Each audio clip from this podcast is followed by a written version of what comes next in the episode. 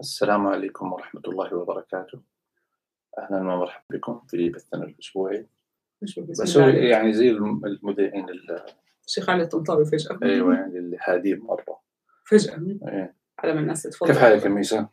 كيف حالك أنت؟ أخبارك اليوم؟ كيف الاستعدادات؟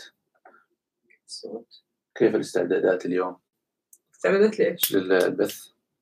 استعدادات للعاصفة اللي برا والله اليوم جانا عاصفة معتبرة جانا ولا جاتنا العاصفة؟ جتنا من غير أي مقدمات كان النهار حر بعدين بدأت تجينا وتقلب الجو طبعا إحنا كذا مرة هادين قبل شوية فاطرين. وشاربين قهوة حتى كنت بدي أشرب بنت وما رضيت أشرب عشان إيه. يصير يعني الناس صايمة وإحنا فاطرين اي نعم فيعني معلش اعذرونا قهوة وكذا إن شاء الله إنها يعني وقبل لا نبدأ أي شيء أتمنى من الإخوة والأخوات يحطون لايكات آه على أساس إنه؟ مبروك تأهل الزعيم والنصر إي نعم أنا وياسر مو مرة متابعين. فشكرا على المعلومة والله أنا أنا شفتها في آه، في- وهنا في واشنطن كمان قاعدين نفوز ف لأن لأن ما قاعد لأن النصر. لأن أنا ما قاعد نشوف المباريات يعني حقيقة يعني أنا ما أدري إحنا يعني رمضان طبيعي أظن أول مرة أنا وميس نشجع فريق وللأسف الشديد ان نشجع الفريق كرة السلة وكل ما شاهدنا المباراة يعني أتصور يمكن يمكن 30 مرة 30% بس. فازوا في نشوف المباراه. ففي شوية نحس يعني أنا ما. أدري يعني لكن الحمد لله على فوز الهلال وعلى فوز النصر لك يعني. مجاملة لك يعني سو. تلمي يلا وش طيب. عندنا اليوم؟ كيف ال اليوم كان بايدن ماشي مع جيل بايدن إيه وبعدين شلها الوردة من الأرض إيه. هي إيه قالوا لي قالوا لي ترى ما هي وردة هذه زهرة إيه. تعرف الفرق بين الورود والزهور؟ آه، الورود ما تستخدم لل للعلاجات آه أوكي. والزهور تستخدم. فهذه عشبة نبتة إيه. وفيها زهور. فهذا الفرق. هو يوم نزل وجاي ياخذها طاح ولا ما؟ لا كويس الحمد لله. وعلى سيرة إنه طاح الناس في كم تعليق كذا وصلنا إنه أنتم قاعدين إنه أنا عشان حطيت هالتويته عشان علقت إنه كان الرئيس السابق يضارب زوجته على مسكة اليد.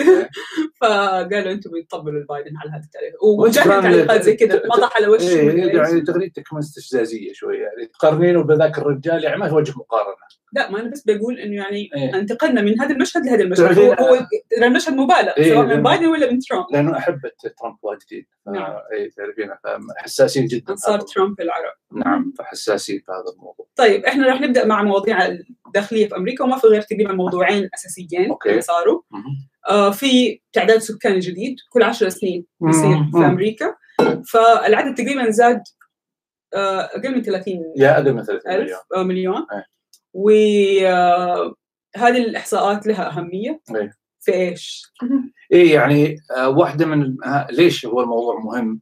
مو عشان بس إنه آه يعني نعرف هي- كم عدد. اي نعرف كم عدد الأمريكان وطبعا بالمناسبة ترى إحنا من سنوات نقول دائما إن أمريكا 330 مليون 330 مليون بينما آخر إحصاء كان يقول أظن 301 مليون الإحصاء الرسمي قبل 10 سنوات الآن صاروا 330 31 مليون. طيب قبل 10 سنين كانوا 308 أو ثمانية. يعني كان كانوا فالآن صاروا 330 الحين صاروا 331 إذا ماني غلطان بس إحنا لما كنا نقولها ك- كانت صح لأنه كانت 329 شيء زي كذا. أنت بتتكلم عن اللي- لا لا أنا بش أقول لك إنه كلامنا صح بس الأرقام ما كانت طالعة رسميا. أوكي. أي الآن ثبتت تماما. فكانت كان في كلام دائما على إنه زيادة. إحنا محسوبين من هذا التعداد إي طبعا. فاكره لما جتنا الورقة قبل تقريبا في 19 إحنا جتنا.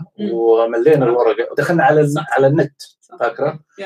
فطبعا ندخل إحنا في أي أهمية التعداد آه، يعني قبل امهد قبل الموضوع طيب خش في الموضوع إيه، يعني أبشر. شفت أنت كذا تطول اي يخالف، بس في background مهم لازم الواحد يعني أوكي. يقوله بس بشكل سريع التعداد آه، اليوم آه، هو أقل أقل زيادة صارت. من قرن. يعني كان كل عشر سنوات لما يصير في تعداد كان النسبة هذه السنة هي أقل نسبة تقريبا حدود 7% فهذا ال background الان أهميته إنه كل عشر سنوات لما يصير ال- ال- التعداد يعاد آه، توزيع مقاعد مجلس النواب اللي هم اللي هم 435 مقعد على الولايات. هي طبعا الرقم ثابت 435 لكن توزع نسبة وتناسب على عدد السكان. ففي ولايات في الغالب اللي يصير في عندها آه، آه، سكان زيادة نسبة وتناسب من الإجمالي يزود عندهم مقاعد يعني يصير لهم مقعد إضافي أو مقعدين. على حساب الولايات الأخرى اللي يكون نسبة المواليد عندهم آه، أقل آه، فبالتالي يخسرون. وطبعا في هذه الانتخابات آه، التوزيع القادم حيعني انه الولايات ذات تاريخيا جمهوريه حتستفيد بمقاعد إضافية. على حساب مين؟ على حساب الولايات اللي هي آه، ذات يعني خلفية ديمقراطية. آه، نشوف أكثر ولاية حتزود هي تكساس آه، حيصير عندها مقعدين اضافيين حيصير 40 مقعد. واعتقد فلوريدا كمان أظن فلوريدا خسرت مقعد أو أو فازت يعني صار لها إضافة. فولايات الشمال طبعا هاي المقاعد تأثر على المجمع ولا ما؟ اي طبعا طبعا نعم. هي تؤثر لأنه هي المجمع تتذكروا لما كنا نتكلم على الانتخابات كان لكل ولاية في مجمع انتخاب في عدد من المجمع هو اللي بيأثر في النهايه في النتيجة. أيوه وهو عدد المجمع هو مجموع الممثلين في الكونغرس في مجلس النواب والشيوخ. زائد ثلاث أصوات اللي هي حقت دي سي لأن هي تصير 538 بينما في الكونغرس هم هم 535 مقسمين 100 و435 فنعم وهذا حيأثر طبيعة الحال في انتخابات 22 طبعا الزيادة أنا أنا مش متأكد الآن هل آه، انعكاسه غالبا حيصير انعكاسه على آه، انتخابات 22 حقت الكونغرس. آه، وهذا يعني إنه فرص الجمهوريين إنهم يستعيدوا مجلس النواب. أصبحت أقوى وإذا استمرت بنفس الوتيرة شبه مضمون إنه مجلس النواب نانسي بيلوسي حتخسر الزعامة في 22 لأنه أنت بتتكلمي عن تقريبا أنا عندي الرقم لكن أعتقد إنه يمكن في حدود سبعة أو ثمانية مقاعد آه، جديدة راحت لولايات ذات يعني قاعدة جمهورية قوية، هذا لا يعني إنه ال ال ال الولاية ضروري إنها تروح للجمهورية، بس تعرفي ميسا في مجلس النواب الولاية مثلا زي كاليفورنيا فيها مثلا كاليفورنيا خسرت مقعد أوكي؟ كاليفورنيا فيها 252 آه، ممثل في مجلس النواب. منهم جمهوريين ومنهم ديمقراطيين. لكن أغلبية الديمقراطيين ولما يصوت في انتخابات مجلس الرئاسة تروح للرئيس الديمقراطي. فهي حتصير اللعبة لكن اليوم نقدر نقول إنه الجمهوريين صار عندهم أمل جيد جدا إنهم يستعيدوا مجلس النواب. طيب.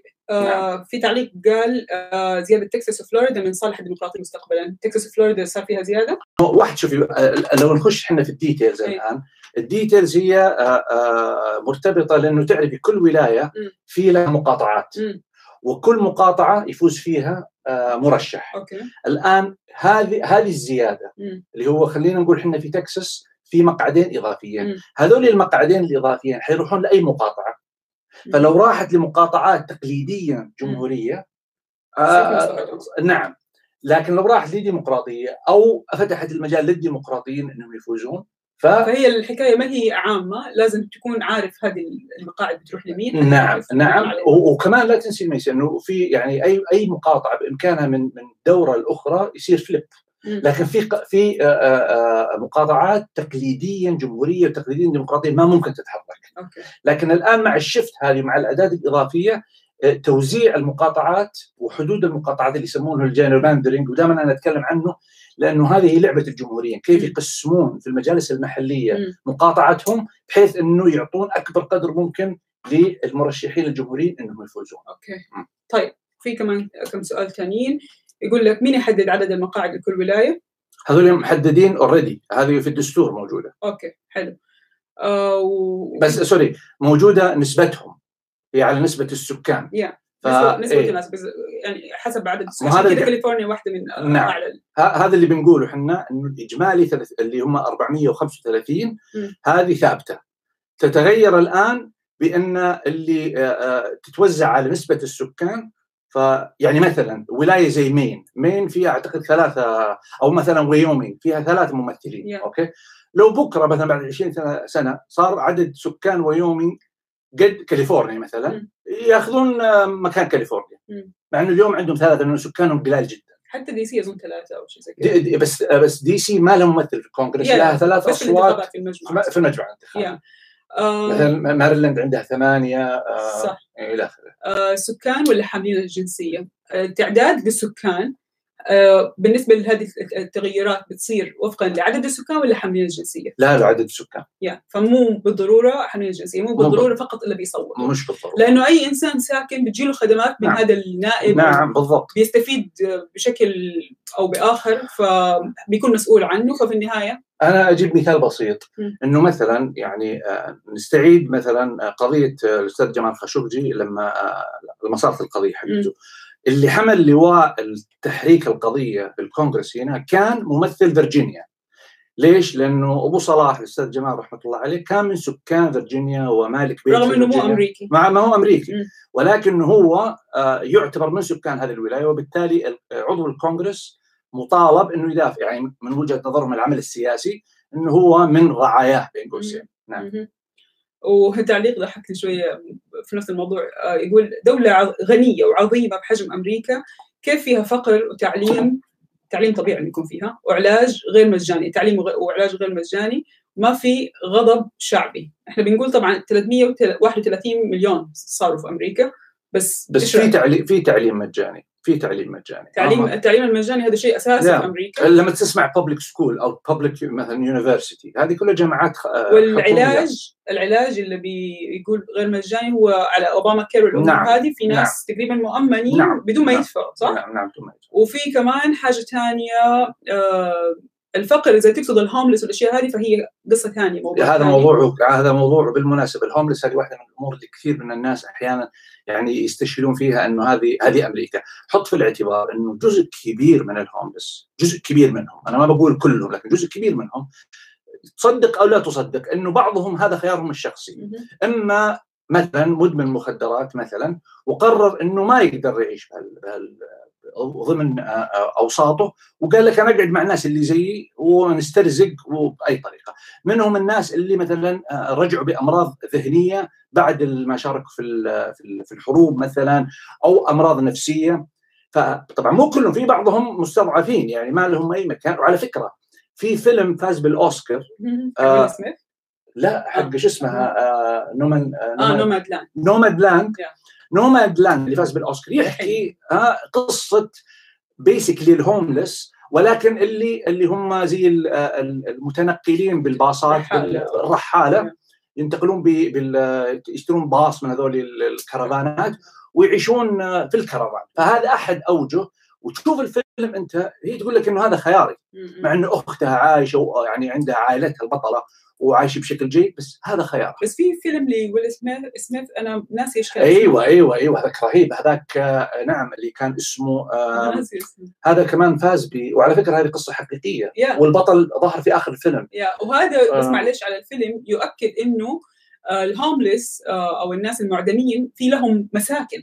الناس ما تعرف نعم، هذا الشيء نعم. ومثلا أنا لما كنت أروح أداوم نعم. لناحيه الكونغرس كان هناك في واحد من المساكن فاكر حتى مرة مرينا من جنبها كان في أظن حريق صار ولا حاجة ففي مساكن لل homeless وبيروحوا بيجوا عليها يعني بيسكنوا فيها بعضهم بعضهم لا يفضلوا لهم يقعدوا برا وبس فيلم فيلم ويل سميث لو تذكرناه نحطه في تويتر لأنه من جد يستحق آه، المشاهدة يعني انساني مو كثير. beautiful life حاجة زي كذا اللي مع ولده كان أيوة،. yeah. yeah. بس هذا بس هذاك تبهدل هذاك ما كان ما كان قراره الشخصي يا ما بس كان بس إيه، كان هو- يحاول يجتهد ويشتغل إيه، بس إيه. يوريك جانب الهوملس. يوريك المساكن اللي يسكنوا فيها الأكل اللي يأكلوه يوريك حاجة كذا من البهدلة اللي يعيشوها البهدلة اللي يعيشوها فيعني إن شاء الله نكون ردينا على السؤال الموضوع الثاني في أمريكا محليا صار هو استطلاع جديد وجد إنه 57% من المدراء التنفيذيين الأمريكيين آه، ذوي آه، ميول جمهورية و19% ديمقراطية يا أنا هذه الجزء هذا الاستطلاع أنا لفت نظري لأنه آه، كنت أقول دائما قبل الانتخابات.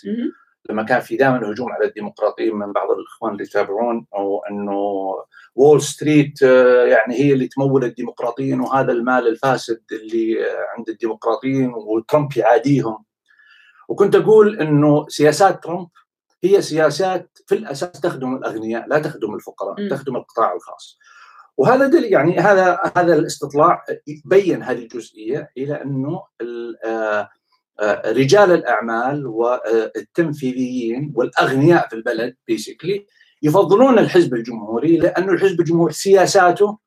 آه، تدعم خفض الضرائب عليهم بهدف زيادة إنتاج عشان يشجعون رجال الأعمال يزيدون إنتاج وبالتالي يخلقون وظائف. هذه فلسفة الجمهورية. الديمقراطيين يقولون لا. يقولون لازم يعني الآن بايدن مثلا تكلم على أنه أي أحد يجني فوق 400 ألف دولار سنويا وما فوق على المستوى الفردي الهاوس هولد البيت. هذا عليه ضرائب. يعني 400 ألف دولار سنويا دخل بيت يعتبر طبقة غنية. دون ذلك ما في. وطبعا حيرفع كمان ضرائب على الشركات.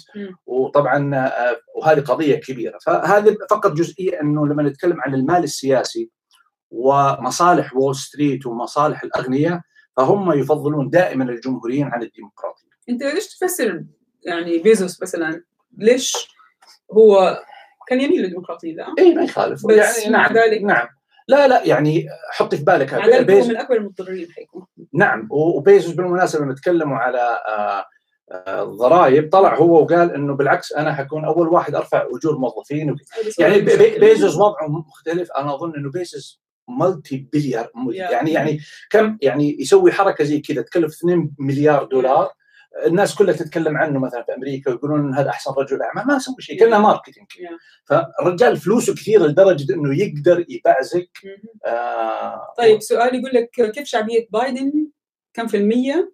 آه, آه كيف شعبية بايدن في المية يوم الأولى بالمقارنة بترامب في أول ولايته؟ شوف أنا حطيت استطلاع آه، حطيت هذه الأرقام اليوم. آه، آه، ترامب ال 100 يوم كان معدل 41 آه، بايدن معدله 57 وطبعا ترامب هو أقل واحد وترامب أقل واحد واللي بعده على طول كان آه، بيل آه، بيل كلينتون واللي بعده أظن كان بوش الأب.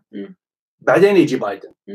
ف وأحسن واحد خلال ال- ال- من عام 53 كان أحسن واحد ايزنهاور آه، sorry كينيدي طيب. بعده آيزنهاور وبعده أوباما فطبعا أداء بايدن حتى الآن آه، أفضل بكثير من من ناحية السياسات والإنجاز في الكونغرس لأنه بالنسبة مثلا للهم الأكبر الآن في البلد زي كورونا فهو الوعود اللي وعدها بالتطعيم والأمور هذه جابها نعم. للآن نعم. فهذه عملت له فرق شوي. عملت له وإن كان لابد أن نكون يعني حذرين في مسألة إنه ما يجير هذا بالكامل له رغم أنه هو في خطاب الاتحاد حاول أنه يجير شعبيا كيف الناس تنظر للمسألة Yeah. إنه هو وعدهم بشيء وهذا الشيء قاعد يتحقق قدام صح صح بس آه، برضو شعبيا في هذا الموضوع الجمهوريين يشوفونه بطريقة والديمقراطيين يشوفونه بطريقة،. الجمهوريين يشوفونها على أنه هذا كله يعني أو على جزء كبير منه كان هذا شغل آه، آه، ترامب لأنه ترامب هو اللي دفع الشركات إنها تستعجل في آه، في اللقاح.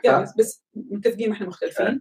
بس لما بايدن جاء قال حيكون أظن في خلال أول 100 يوم 100 مليون مدري قديش نعم، وقاعد يحقق هذه الأرقام. نعم نعم. فبس من هذا الباب صح. في ناس تنظر له إنه أنا ما بقول إنه هو صح أنا مم. بقول إنه في ناس قاعدة ترضى عنه لأنه همها الأكبر قاعد يتحقق بدهم يرجعوا. لوظائفهم بدهم نعم. يرجعوا للحياة هو هو نجح في مسألة إنه وضع آليات لتحقيق الهدف لأنه تر- ترامب مشكلته كانت إنه كانت بيده Yeah. لكن آليات ال logistics Yeah. حقت مثلا وتكلمنا في هذا أكثر من مرة في في ال- في ال- في البث عندك مثلا عدد ال- الأطباء Yeah. والممرضين اللي مخصصين مراكز. الم- المستلزمات الطبية مم. ال gloves الحقن كل هذه الأمور ما كانت متوفرة أيام آه، ترامب Yeah. آه، بايدن لما جاء ركز على ما هو المطلوب لتحقيق هذا الهدف وبالتالي أصبح الهدف, الهدف تم تحقيقه. بسهولة وعلى فكرة حتى الرقم اللي كانوا قايلينه مم. أنا أتوقع ان هم كانوا عارفين إنه قادرين يعملون احسن مم. بس حطوا ال expectations. يعني معقولة بحيث إنه يقول لك إحنا إنجزنا زيادة هم فعلا هم تجاوزوا ال- ال- المستهدف. طبعا حكمل مع الأسئلة تفضل وإذا كان في وقت نروح للمواضيع اللي نعم. واللايكات رجاء ولا عليكم أمر طيب. لأنكم تساعدونا كثير هل. تعتقد إن السعودية في الطريق لأن تصبح دولة علمانية؟ يعني أنا أشوف انه كل الدول آه، أنا كذا وجهة نظري كل الدول يعني آه، سياساتها سياسات علمانية يعني سياسات تعتمد على المصالح ما ما يعني ما ما أعتقد إنه في يعني سياسات في مسألة العلاقة مع الآخر قاعدة تضع في عين الاعتبار مثلا مرجعية دينية أو شيء من هذا القبيل. آه، العلمانية هو أنه لا لا لا لا تحكم الدولة بمر- بمرجع آه، ديني. وبهذا المفهوم آه، أنا ما أتصور كثير من الدول اللي اليوم ينظر لها على إنها علمانية لا لا ليست علمانية بالضرورة لأنه كل دساتيرها في لها باك أو أو أو في المرجعية تعتمد عليها بشكل أو بآخر، أحيانا تكون انتقائية للدين. ولكن يعني ما أستبعد آه، إنه إنه هذا الأمر يعني يصبح واقع لأنه يعني الخطاب الديني بمفهومه يعني الكور الأساس العمود الفقري لم يعد هو المتصدر. يعني المتصدر هو هي هي لغة المصالح. فكون إنه ولكن رغم كذا الدين سيبقى لأنه في النهاية الدين هو اللي يحرك يعني ردود فعل الشعوب ويعني أعتقد إنه في أمور معينة يعني مثلا تجي دولة دول الخليج مثلا يعني بعض بعضها يعني فيها خمور مثلا. هل هي دول مثلا علمانية؟ مثلا. يعني هذه أسئلة تضع في عين الاعتبار أو مثلا يكون فيها يعني بعض القوانين. يعني مثلا في السعودية مثلا طول عمره كان في مثلا البنوك الربوية. والربا مثلا ما هو ما هو يعني ما هو في يعني في, في, في الإسلام واضح إنه هل نعتبر من وقتها إنه هي ما هي دولة يعني إسلامية أو دولة علمانية إذا طبقت هذا الشيء؟ يعني هذه القضية نظن إنها يعني تأخذ أكثر من رأي جميل. وجدلية ولكن لا أرى إنه في يعني مانع حقيقي اليوم إنه ممكن تتجه بهذاك الاتجاه. كنا نتكلم عن في أمريكا والسؤال يقول ليه الدول العربية يتضجروا أو يخاطبوا الشعوب إنه زيادة عدد السكان يسبب مشكلة اقتصادية. لأنه أنا في رأيي لأنه كثير من طبعا هو عدد السكان دائما لما الدولة تكون مثلا عندها إشكاليات في في برامجها الاجتماعية وبرامجها الاقتصادية وفي مواردها اللي اللي بتجي يعني اقتصاد بمعنى كان إنه كان موارد طبيعية أو تجارة أو كذا. فدائما يختل عندهم الميزان. ميزان يعني إنه الدولة في النهاية لابد إنها يعني تعمل في في في بلد تخلق الظروف المناسبة لمعيشة كريمة للناس. لما يصير في هذا التزايد اوتوماتيكيا يعني مثلا نشوف الهند. الهند ترى ما هي دولة فقيرة يعني كدولة. دولة نووية دولة مصنعة للسلاح دولة في الجي 20 من أكثر الدول يعني. ولكن عندها عدد سكان يفوق قدرة أي دولة.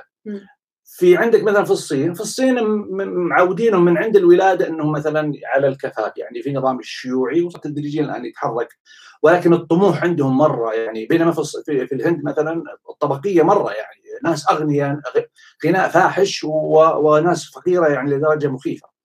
فزيادة السكان دائما هاجس لأي دولة لأنها تؤثر على كل حاجة على مستشفى بناء مستشفيات جديدة على خدمات إلى آخره.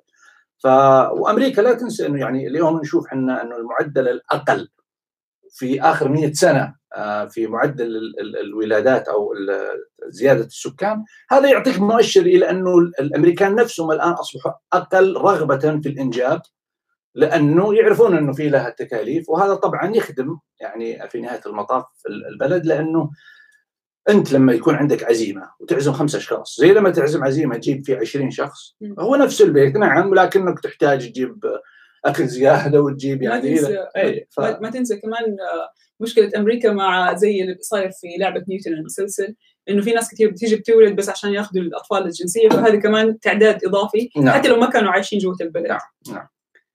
طيب بيقول لك لقائك على Clubhouse آه، كان معلوماتي وخفيف ولطيف شكرا. اللي هو كان أظن مع أكاديمية خشب نعم. اللي سويت شيء وأنا لا لا ما ما أعرف وال Wizards كان ماشي كويس إلين وقفوا ال Spurs Spurs إيه آه آه بس فازوا على الليكرز يعني. yeah هم بيفوزوا على القوائم مو قاعدين يفوزوا على الصغار. آه. بس على فكرة كان في كان في عنوان أنا عجبني في الواشنطن بوست على ال Wizards كانوا كاتبين قبل كم يوم كانوا كاتبين بما معنى إنه الدوري السله آه، الأمريكي أصبح أكثر تشويقا وكذلك ال Wizards آه، يعني عاد واشنطن لازم اي طبعا اي بالضبط. إيش تفاصيل تحول مدينة واشنطن دي سي للولايه تكلمنا فيها الأسبوع اللي فات. تكلمنا فيها ممكن تشوف الحلقة الماضية إذا ممكن. آه مين عندها أربعة صحيح عندها أربعة في المجمع الانتخابي لأنه حتى كانت تعادل أوكلاهوما كان ثلاثة بواحد للديمقراطيين والجمهوريين العكس. صح. فكانوا يساووا بعض. أنا أنا أقول مين وأنا عيني على شو اسمه على وايومينغ okay okay. طيب هل بايدن صادق؟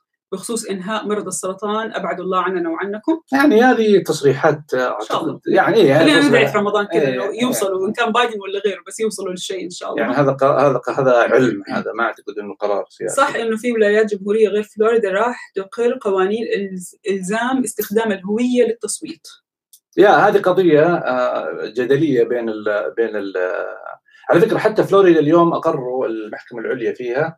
أعتقد المحكمة العليا إنه لا يحق لل social أي social media إنها تحجب تحجب أي سياسي مم. طبعا على نفسهم هذا فين في أمريكا ولا في فلوريدا في فلوريدا Yeah. آه دوله okay. yeah فاي لأنه فلوريدا الآن طبعا هي معقل السيد الرئيس السابق و- ويعني هو قادر إنه يسيطر على السياسيين فيها فيعني تقدر تقول إنها قاعدة ترسل رسائل قوية في مسألة الأجندة حقت ترامب.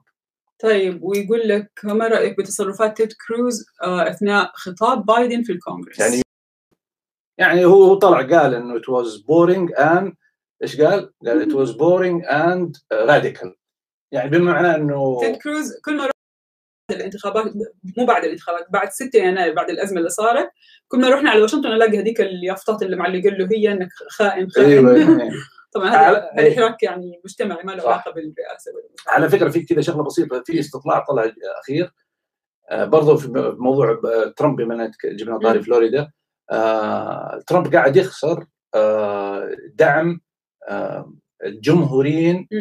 من الناس في الحزب يعني أول كانت الناس تقول حنا لو مثلا مثلا ترامب استقل حنا حنصوت لترامب. مش للحزب الجمهوري الجمهوريين نعم. الآن النسبة المرة الأولى صارت أقل أعتقد 48% آه صاروا يقولوا ذا الكلام. فهو خسر الآن تدريجيا قاعد يخسر ال- ال- الشغف القوي داخل الحزب الجمهوري من من الجمهوريين الناس العاديين لترامب. شوي شوي قاعد يخسر. يا- يا- يا. طبعا ممكن يرجع هو ثاني مرة يعمل هيلمانه ويرجع يعني. يقول لك ما لهم فضل في التدريس المجاني لأنه أهل الحي يدفعوا الضريبة تروح للخدمات منها المدارس نعم. ما, في أمريكا في حياتها ما تقول لها فضل أحد لأنه الفضل حيروح لمين بالضبط؟ يروح- حيروح للرئيس ولا حيروح لأي هيئه نعم. بالضبط. فهي طبعا الضرائب هي قاعدة تقوم بالواجب في كل شيء مش بس في التعليم. وفي ولايات ما فيها ضرائب يعني ثلاثة ولا أربع ولايات. أصلا الحكومة الحكومة نفسها من وين لها فلوس؟ يعني الحكومة ما عندها فلوس، الحكومة فلوسها مصادر دخلها هي يعني من الضرائب ومن مو زي مثلا دولنا إحنا البترول يدخل للحكومه يعني في مصدر دخل يجي البترول الحكومة تأخذه بالكامل، هنا ما ما في ذا الشيء، هنا كل شيء لكن مثلا شركات البترول تدفع بين قوسين اتوات ولا ضرائب نعم. ولا ولا حق آه، استخراج ولا كل هذه المبالغ. يعني للحكومة لما تجي الآن دولة تشتري سلاح مثلا من من أمريكا من آه، شركة لوكهيد مارتن ولا أي شركة من شركات الأسلحة الحكومة يطلع لها يطلع لها يعني آه، نسبة من هذه من هذه الصفقة تدخل لخزينة الدولة. فالحكومه ما هي ما هي ما عندها فلوس.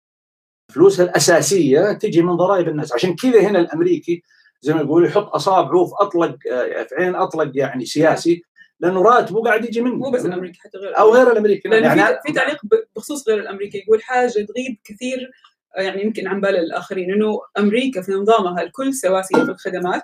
حتى لما الرئيس يقول بنقدم خدمة أو شيء للأمريكان فهو يقصد الأمريكان وغيرهم من المقيمين بشكل نظامي. ومثال على ذلك مسألة شركات الإعانة الأخيرة. وهذا نعم، الكلام. شركات الإعانة تروح لأي لا، شخص إيه. يدفع ضرائب. إيه، إحنا جتنا وأنا يعني أنا ما قد رحت لأي جهة يعني رسمية أو غير رسمية وأعطيتهم البطاقة ال- وجو سألوني أنت أمريكي ولا ما أنت. أمريكي؟ يعني فقط مثلا اذا جيت بسافر ابى أخذ تاشيره أوكي؟ هذا تكون بس برضو المعامله وتأشيرة مع دول ثانية مش مع أمريكا. بالضبط إيه. هو فقط مسألة الانتخاب. إني أنا ما يعني آه، إحنا ما نصور مثلا لممثل ال- أو الدخول في الولايه المطار.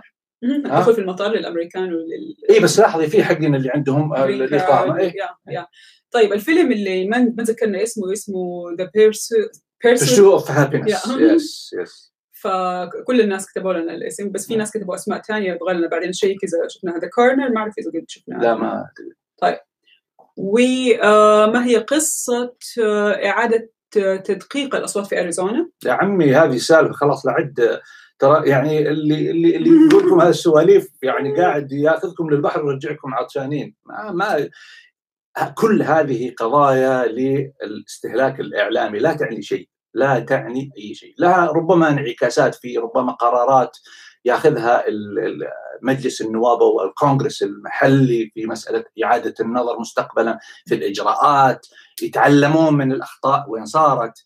ولكن لن يغير هذا الأمر يعني على على أرض الواقع شيء اطلاقا يعني خلاص يعني. وعلى فكرة ترى حتى في رئاسات سابقة القضايا اللي كانت ترفع في وحتى في في المجالس المحلية تراها مستمرة. ما هي مسألة ما هي مسألة يعني لكن ممكن تنتهي بعد ثلاث سنوات أربع سنوات. طيب ويقول لك آه، قرأ في هيرتج فاونديشن أن روسيا هي تهديد للولايات المتحدة فكيف يحدث انقسام بين الحزبين على أن روسيا عدو؟ شوف يعني هيرتج يعني ذات آه، منحى يمين إيه؟ آه وأنا أتصور إنه هيرتج يمكن ينظرون آه، للصين على أنها هي اللي يمكن الخطر الأكبر. لكن ما يمنع إنه يكون في من السكولرز أو من الباحثين في في هيرتج من يرى إنه روسيا ربما هي الأخطر في كان في حال كان هناك يعني نوع من المقارنة في الحاله لكن آه، روسيا حتى الجمهوريين وحتى الديمقراطيين هي شوف الفرق وممكن قلناها ميس أكثر من مرة. آه، الأمريكان آه، الجمهوريين يشوفون روسيا هي الخصم والصين هي العدو. الديمقراطيين يشوفون العكس. يشوفون روسيا هي العدو والصين هي الخصم. بمعنى إنه يمكن العمل وشوف مثلا في تصريح لبلينكن عن عن عن أفريقيا عن الصين في أفريقيا وكان قايل يعني إنه إنه خلينا بيسكلي نتشارك لكن كان قايل كمان إنه خلينا نشوف الشعب الأفريقي لازم هو اللي يشوف ويشرف على المساله 12.9 خلينا نقول 13% من الأمريكان دخلهم السنوي أقل من 12000 أي إنسان زي ما قلت لكم وفي معونات تجي وكل هالكلام وفي حتى سكن لل ذوي الدخل المحدود أو المتدني أي إنسان يكون راتبه بالفعل زي كذا أقل من 12000 أو راتب ضعيف فهو أصلا شبه معفي من الضرائب مو مو معفي تجيله تجيله فلوس آه. يعني آه. وقت ما يجي وقت الضرائب والناس تدفع اللي عندهم رواتب عالية بيدفعوا آه إضافة على يعني أصلا بينخصم من رواتبهم أو اللي عنده business حسب بيدفع. حسب حسب دخلك النسبة بالضبط. واللي ما عندهم اللي عندهم رواتب متدنية بيجيهم شيكات وقت الضرائب يعني ما بيدفع هم. أعتقد أقل أقل من 24 ألف دولار في السنة ما تدفع ضرائب. يعني إذا دخلوا 24 ألف دولار أنا أذكر تحت ال 40 كمان ك single كمان آه أنا مش متأكد الرقم هو 24 أو yeah. أو 40 لكن آه يعني وبالمناسبة إذا إذا أنت تقصد إنه هل في أمريكا فقر؟ نعم طبعا في فقر يعني في أي دولة في العالم يعني إحنا لما نقول في معونات وفي بيوت للهومس ما نقصد إنه ما في فقر. في فقر في فقر. بس حتى الدول دول دولنا إحنا الدول العربية الغنية بالبترول واللي كلهم كلهم إيه كل وبريطانيا يعني في في دولة نتخيلها بدون فقر بس هل الناس تثور؟ تثور إذا ما وفروا لهم إذا فعلا الأمور كانت جدا معقدة إذا فعلا صارت الطبقية جدا واسعة. يعني يمكن في أشياء تدعوهم أكثر من إنه بس والله إنه أنا ما ماني قادر ألاقي الراتب الكويس. ليس فاكرة إحنا في كوبنهاجن؟ يعني الدنمارك تعتبر واحدة من أغنى الدول في العالم أوكي على عدد السكان. إحنا كنا في كوبنهاجن واحد رجال ملوي هدومه مرتب ومضبط أموره كذا وقاعد يعزف على على فلوت وحاط طبعا الآن ممكن واحد يقول إنه هذا اللي هم فنانين الشوارع أفهم. لكن هذا ما كان باين عليه من فناني الشوارع هذا كان أصلا ما ما يعرف يعزف يعني. وبالذات اللي يحطوا يافطات واشياء إيه يعني في دلالات إيه. لكن ربما هذا الرجال مثلا مثلا دخله مثلا 3000 دولار في الشهر ما مكفيته لأنه إيجاره مثلا 5000 في الشهر. لأنه لأنه طيب أنا فقط أجيب مثال إنه حتى في هذه الدولة يعني فيها كنت حكيم انه إنه سألناه عن طريق وقام ودلنا. في واحد إيه. في واحد كان حيوصلنا بالطريق لا فقط أنا أقول إنه الدنمارك يعني فيها كذا. صحيح. أيضا قرأت في نفس الموضوع أن أجندة حياة السود مهمة ابتعدت عن شعارها وأن أهدافها آه، ليست مكافحة العنصرية كما يعتقد أتباعها فهل لها أهداف لا نعرفها؟ يعني هو حراك هو حراك يساري آه، في آه، يعني الكور يعني المركز الرئيسي لفكرته هو مسألة المساواة بين الأعراق طبعا الأفارقة الأمريكان من أصل أفريقي عندهم إشكاليات كبيرة في مسألة آه، نظرة المجتمع ونظره آه، مش نظرة المجتمع نظرة الحكومات الحكومات المحلية والفدراليه في تعاطي قضاياهم. أجيب لك مثال بسيط. هم مثلا دخلهم منخفض وبالتالي يعيشون في مناطق سكنية ذات دخل الدولي المنخفض. وبالتالي المدارس اللي موجودة اللي يصرفون عليها مع الكاونتيز وكذا مدارس تجيب أساتذة على قد حالهم فبالتالي مخرجات التعليم حتكون دون المستوى. من المتضرر عيالهم فعيالهم لما يتخرجون من الثانوي ما يلقون فرص في الجامعات المرموقة لأنه مدرستهم يعني بين قوسين لم تؤهلهم تأهيل جيد. وبالتالي الحلقة تستمر. يستمرون حتى لو هو مثلا استطاع أنه يعني لابد انه يكون عنده حالة استثنائية أنه ينتقل من هذه الطبقة إلى طبقة أخرى وبالتالي يروح لمنطقة أخرى عشان يدرس عيال مناز و... و...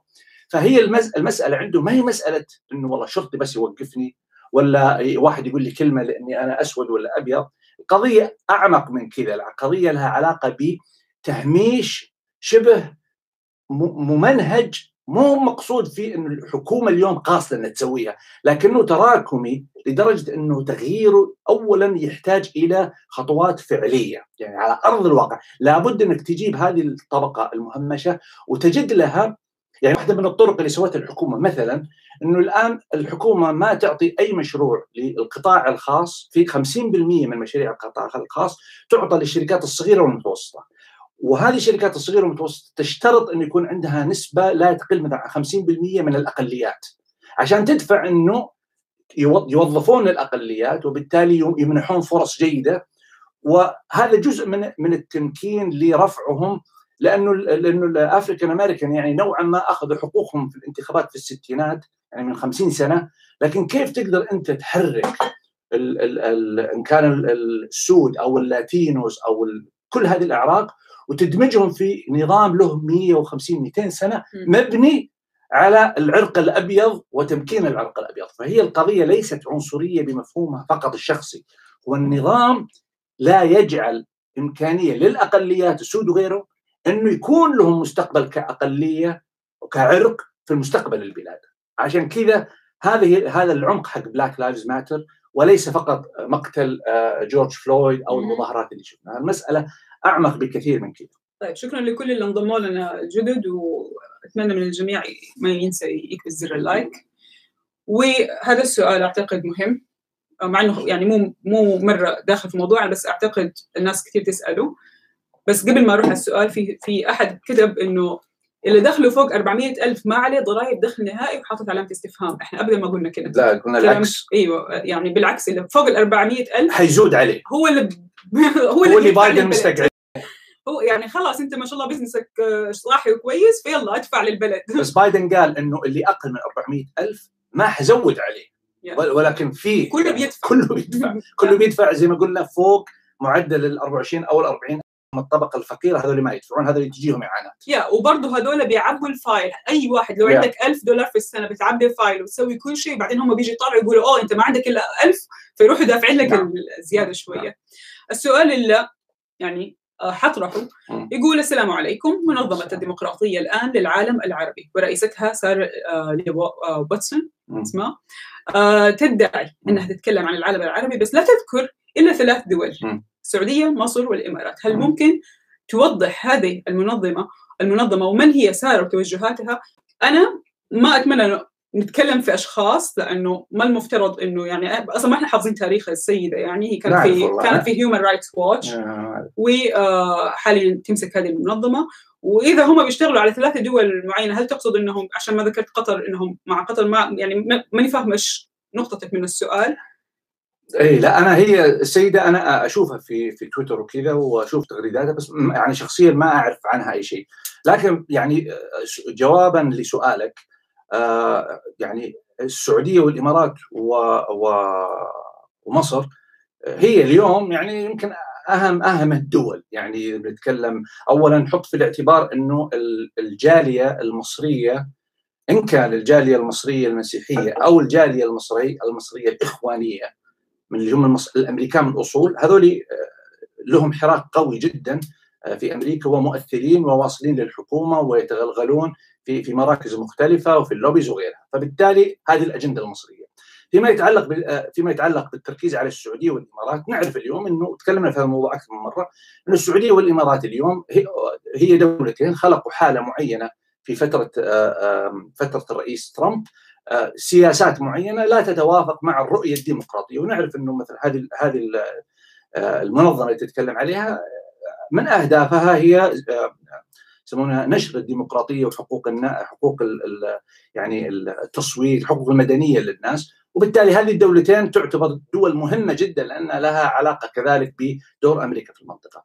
فيعني ما أتصور إن دولة زي كذا حتركز على دوله هامشية آه، أو دولة تأثيرها يعني حتى على المستوى السكاني ما هي أو على المستوى الاقتصادي أو على مستوى آه، كونها هب في المنطقة أكثر من هالدولتين. يعني منطقيا يعني يركزون على الدول المهمة. وممكن يكونوا بدأوا بهذه الدول وبعدين حيمشوا على دول ثانية نعم. فما أعتقد المفروض الواحد يتسرع. بس, يعني بس حتى الإعلام يعني نفس سؤالك ينطبق على الإعلام. ليش الإعلام دائما يركز يركز على دول معينة نعم. في الأخبار يعني؟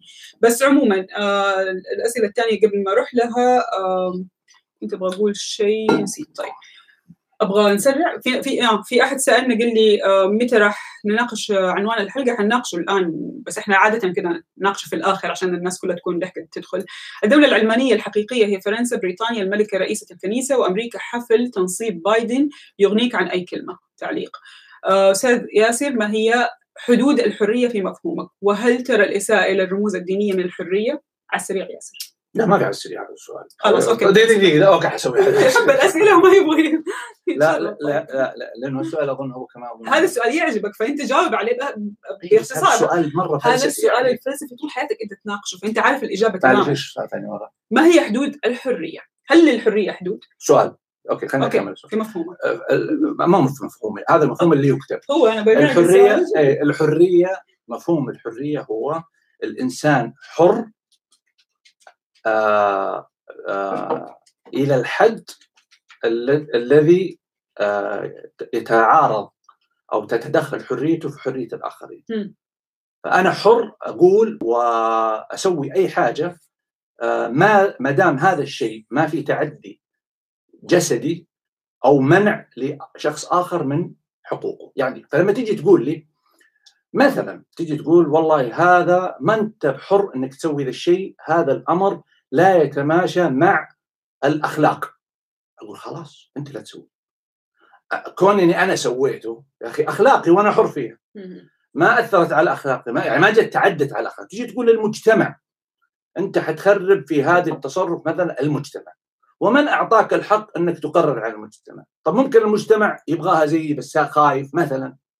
شو هذه هي الحرية؟ الحرية أسوي أي شيء لكن لما أجي أقول لك لا غصب عنك تسوي زي ما أنا أبغى أنا حر وتسوي زي ما أنا أبغى وتجي تغصبني لا هنا تتوقف الحرية لأنه أنت من حقك إنك تشوف الطريقة عكسي تماما وتعيش معها. هو كان تكمله السؤال إنه هل الإساءة للرموز الدينية؟ نعم. نعم.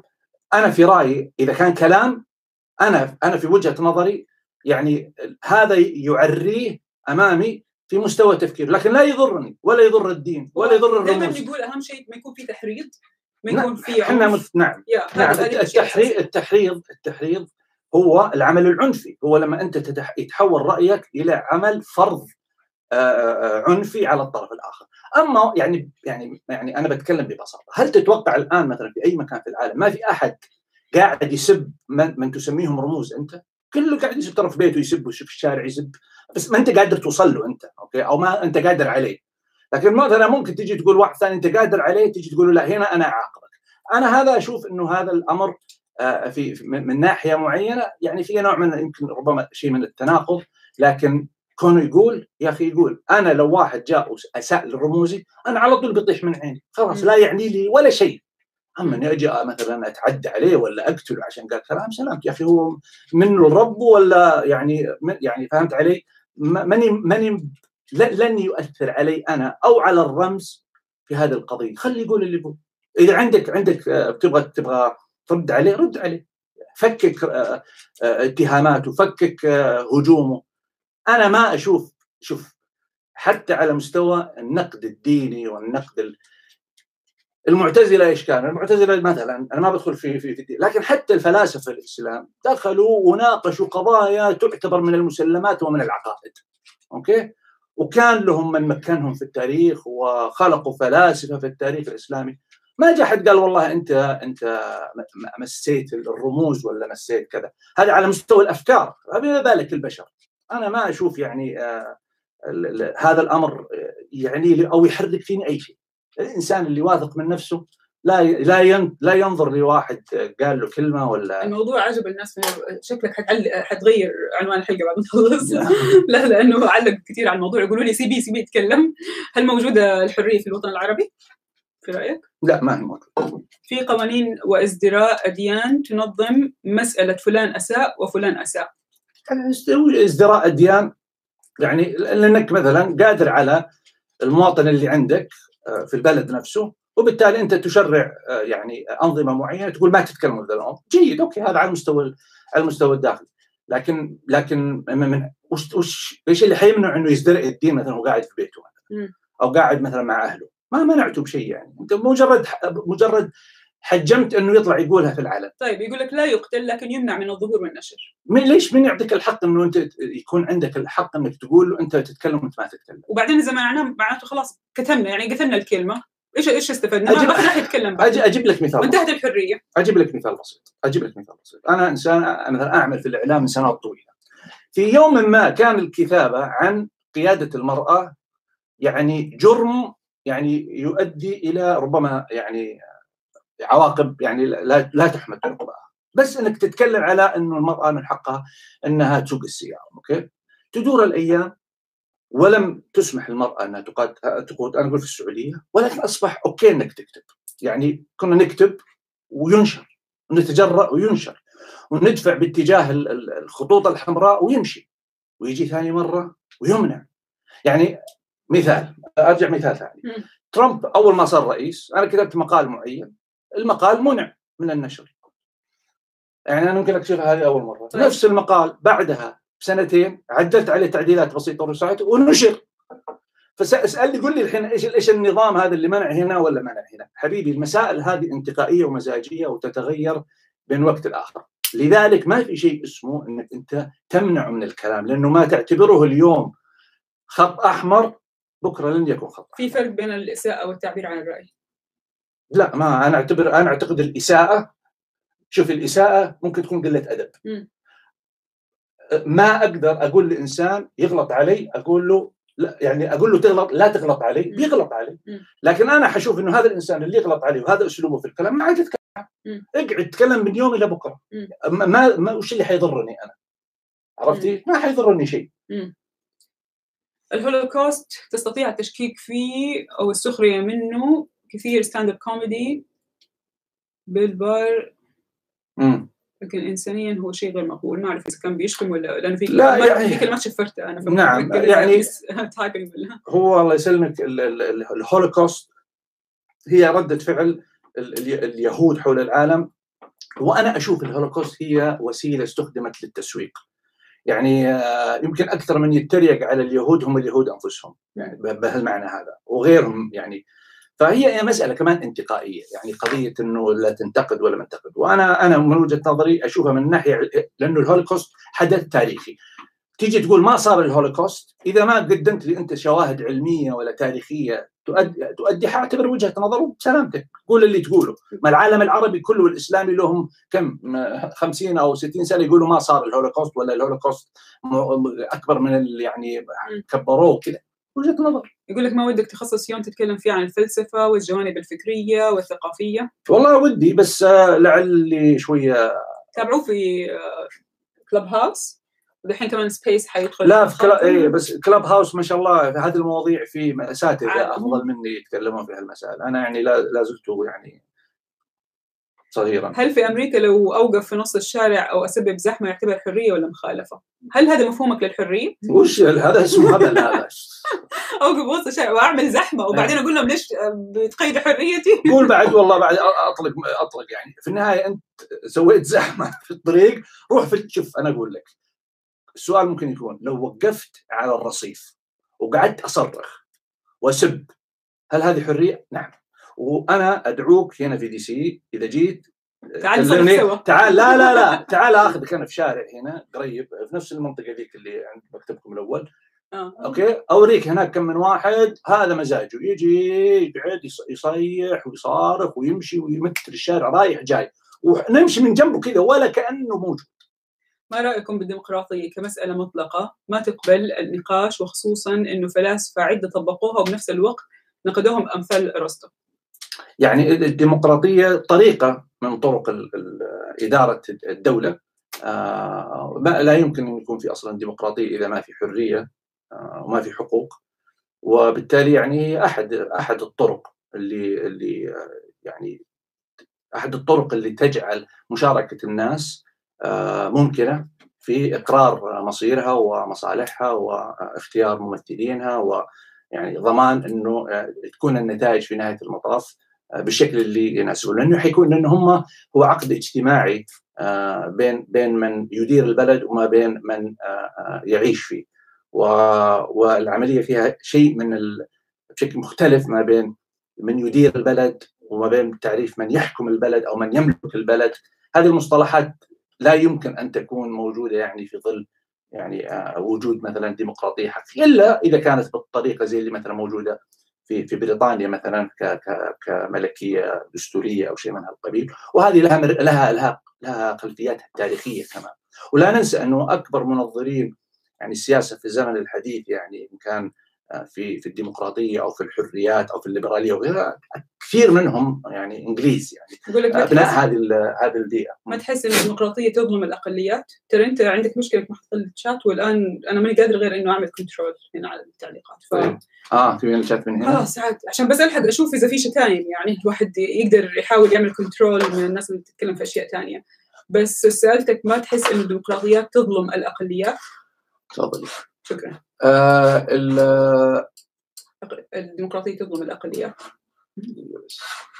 مالتي تاسكينج ما خلاص خلاص خليها زي ما هي. أوكي شكرا.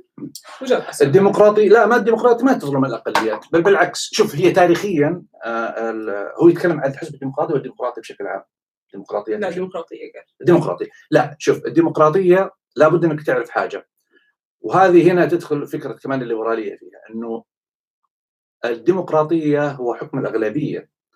ولكن حكم الأغلبية من مسؤوليات حكم الأغلبية ضمان حقوق الأقلية. فأظن هو كان جون ستيوارت ميل اللي قال إنه لو لو لو 99% من الأشخاص تجمعوا عشان يفرضوا على شخص إنه إيش يسوي؟ 99 تجمعوا وقالوا الواحد سوي زينا. إذا كان هذا حق فهو نفس الحق اللي يعطي لهذا الشخص اللي يفرض عليه على ال 99 لو كان هو بيده الحكم. فالعملية ظلم بالاتجاهين، ما في إنه أحد يفرض على الآخر. فلا الديمقراطية يعني نشوفها كمان مثلا في كثير من المجتمعات إنه تعطي حق الأقلية تحمي الأقلية، يعني هي فكرتها إنه حتى في ظل وجود الأغلبية في الحكم طبعا الآن في تلاعب هنا وفي تلاعب هنا وفي تجاوز هنا وتلاعب سياسي هنا لكن هذه هي الفكرة العامة. الآن تطبيقاتها ربما تكون فاشلة في أماكن معينة تدعي الديمقراطية لكن هذه هي الفكرة العامة. الاسئله على الديمقراطية مرة كثير وأنا أعتقد إنه نخصص لها حلقة ثانية أحسن وأعتذر إنه ما راح أخذ كل الأسئلة لأنه مرة ما خلص الموضوع صار كله عن الديمقراطية. بس في سؤال أخير عن الحرية راح اخذه هل التكفير حرية؟ لو طلع شيخ إجاز قتل العسكر هل تعتبر حرية في أمريكا؟ ما قلنا ما قلنا القتل لما يدعو للقتل هذا الرجال ما هي ما هي الآن. هو ما جاء قال روح آآ آآ جادله ولا روح قول له في وجهه أنت إنسان فيك اللي يخطيك؟ لا هو دعا للقتل هو حول الرأي إلى أنه يؤخذ بالعنف. هذا ما هي حرية. هذه ما هي حرية. أي شيء يتحول إلى خطر لي أنا جسديا أو يأخذ مني حق مكفول لي كإنسان باسم الحرية هذه ليست حرية. جميل. خليني أروح على عنوان الحلقة كل الناس بتقول نبغى نسمع عن عنوان الحلقة خلينا نبدأ مع مجزرة الأرمن. إيش صار لما اعترف وكيف تركيا تعاملت مع الموضوع؟ يا طبعا على عجالة الموضوع طبعا الاعتراف الأرمن بعد 100 سنة من المجزرة بايدن أخيرا يعني اعترف. وطبعا الاعتراف ما هو لسواد عيون الأرمن. هو بكل بساطة كان يبغى يعطي كف لأردوغان. ويعني خصوصا إنه أردوغان يعني كان يتصرف أو تصرف بطريقة بايدن يرى إنه اليوم هو مو قادر يسيطر عليه. يعني أردوغان لا زال يعني مثلا الآن يحاول إنه يلملم علاقاته مع الدول اللي تعتبر اليوم في المنطقة محور مم... يعني ممانعه ضد بايدن. يعني يعني ما هم على علاقة ممتازة جدا مع بايدن وبالتالي هو يبغى يضب يعني يدخل معهم في علاقة عشان يقول خلينا نتجمع إحنا مختلفين نتجمع مع بعض ضد هذا اللي موجود هناك. فبايدن اسمه هذا أردوغان قاعد يرد وهي طبعا القضية مرتبطة بقضية ال 400 وبقضية التقارب التركي الروسي وحتى بلينكن طلع وقال في تصريح خلال أسبوع قال إنه مرفوض يجب أنه ما في دولة في الناتو أنها تستعين بالأس 400 هذا يعني خط أحمر. وطبعا أردوغان نعرف إنه هذه القضية قضية يعني هو يعتبرها إنها يعني أنا حر أنا عندي استقلالية أنا عندي كذا. فهذه إيش التبعات؟ التبعات طبعا التبعات هي الآن إنه العلاقة حتصبح متوترة مع مع أردوغان وأردوغان يصبح الآن أكثر رغبة في أنه يجد حلفاء له في المنطقة على الأقل على أساس أنه يشعر أنه ما هو بالوحدة. يعني مع ترامب كان ترامب يطبطب له وهو عارف أنه زي ما زي ما وصفوا آه آه شو اسمه آه جون بولتون قال أنه لما أردوغان يتكلم مع ترامب كان يتكلم كانه موسوليني يتكلم مع الشعب حقه يعني من فوق كان يكلمه أردوغان بالنعره يطبق نفس الحكاية الان مع مع بايدن والجماعة نعم فأنا أشوفها هي أقرب إلى مسألة كف آه لأردوغان آه بعد ما شعر يمكن آه إنه ما هو ما هو راضي ينضبط. طيب أهلا بكل اللي انضموا لنا واللي بيسالونا إحنا مين حطوا اكبسوا زر اللايك وأنا حقول لكم إحنا مين. آه في ناس يقول أول مرة يشوفوا البث إي والله بس ترى يعني قليل صراحة اللايكات يا جماعة لا, لا. طيب أنا ميساء العمودي وياسر الغسلان وإحنا في أمريكا الناس بتقول لنا خلاص وقفوا اذن وإيش كمان؟ وصحفيين ولنا مدة بنقدم هذا البرنامج ونتكلم عن السياسة الأمريكية تحديدا فاللي حابب يتفضل بالأسئلة فيما يتعلق بأمريكا يتفضل. هو على فكرة و... بالنسبة لللايكات ترى أحيانا نعلق على مباراه الهلال النصر الاتحاد يعني فاللي يحب الرياض ترى ممكن تعطونا لايك وترجعوا لنا بعدين.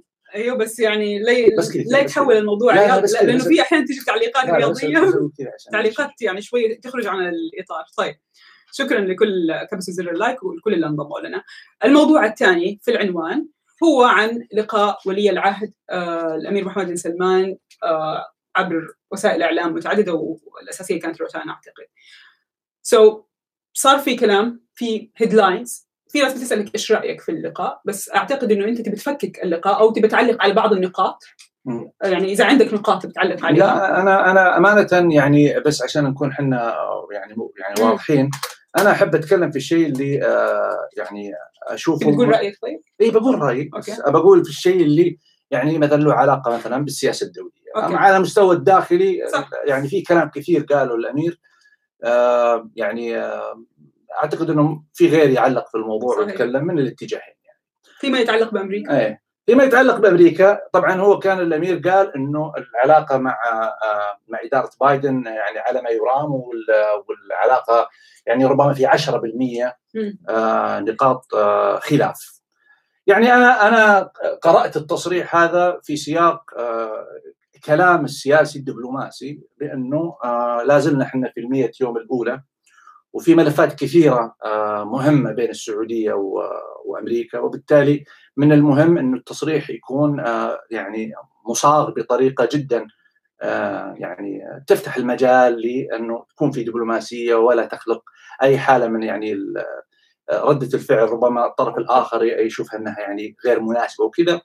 فكون إن 90% من من العلاقات جيدة و10% يعني أنا أشوف إنه هذا يعني يمكن التصريح فيه شيء من ال من ال من الدبلوماسية وشيء من تقليل حالة ربما الفتور اللي موجودة بين بين الدولتين اللي كلنا نعرفها. يعني ما ما هو ما هو أعتقد شيء خافي. إذا كانت مثلا في هناك لا زال في إشكاليات فيما يتعلق مثلا بالموقف في اليمن مثلا في إشكاليات فيما يتعلق بموقف مثلا من إيران. أقصد ليس هناك خلافات ولكن في هناك اختلافات في التعاطي. لم نصل بعد حسب ما نتابع ونشوف إلى توافق على المسألة هذه. فربما الأمير ينظر لهذه المسألة من منطلق إنه يرى بأنه التوافق في طريقه وبالتالي لا يعتبرها مشكلة. قد يكون هذا هو المخرج المخرج لما يعني قاله الأمير محمد. إحنا كمراقبين نشوفها بطريقة ربما مختلفة لأنه نتعامل مع الواقع ربما هو يشوفها بطريقة يمكن يعرف تفاصيل أخرى إحنا ما نعرفها وهذا طبيعي. لكن نعرف تماما إنه العلاقة كذلك تمتد بين السعودية وأمريكا بعيدا عن الخلافات الخلافات الف... يعني اللي تحصل كل فترة والثانية. يعني في علاقات استراتيجية نعم تقل في مراحل وتزود في مراحل ولكن أتصور إنه لا يمكن أن نرى ولذلك أنا يعني الكلام الناس تقول إنه السعودية قد تتجه نحو الصين ونحو نحو روسيا أنا لا أرى هذا الأمر. يعني ممكن الأمير محمد قال إنه ولكن قالها بشكل واضح قال إنه إحنا يعني نوزع علاقاتنا مع مع كل الدول. وبالمناسبة أنا أتذكر إحنا مثلا الملك عبد الله كان هو أول من فتح اتصال مع الصين. ومع ومع ومع الهند وراح زارهم وكذا. العلاقات بادية من من من فترة طويلة. ما هو ما هو أمر جديد يعني إنه يعني ما هو شيء شيء تو صاير. واضح يعني حتى روسيا كذلك العلاقات موجودة. ف يعني كلام الأمير كان أنا بالنسبة لي كان خطاب دبلوماسي. الهدف منه بشكل رئيسي هو القول بأنه نبغى نشتغل معاكم الأمريكان ولكن في نفس الوقت ربما في أمور معينة لا نرى بانه المصلحه مصلحتكم معنا يعني موجودة ولما لم يعني لما رد على موضوع لم يسأل فيه بس من, من عنده لما قال على مسألة التدخل في الشأن الداخلي. السؤال ما كان يتكلم عن التدخل في الشأن الداخلي أو الضغط كان يسأل عن الضغط ربما الضغط كان يمكن يقصد فيه الضغط في قضايا خاصة بالنفط لها علاقة قضايا في موقف من إيران من حرب اليمن لكن الأمير كان حددها في مسألة الضغط. على الأقل زي ما أنا فهمتها. وبالتالي أنا أعتقد إنه فيما يتعلق بالعلاقة اليوم الضغط اللي قاعد يجي من أمريكا هو الضغط اللي ربما يتكلم عنه الأمير محمد اللي اعتبرها العشرة بالمية بينما خلافاته الأخرى أو الاختلافات الأخرى الخاصة بالمنطقة يراها الأمير على أنه هي في قد تكون في طريقها للحل.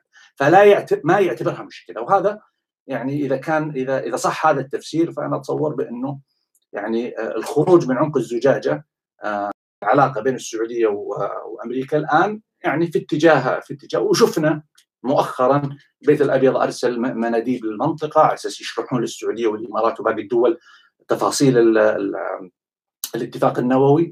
فيعني واضح إنه يعني نشوف مثلا حتى الأتراك قبل أيام إنه قضية خاشقجي إحنا نثق بالمحاكم السعودية. وطبعا هذا الموقف يختلف تماما عن الموقف اللي اللي كان موجود لمدة سنتين أو سنتين اللي فاتت. فالتغير الجذري في هذا الموقف يعني ينم على مسألة إنه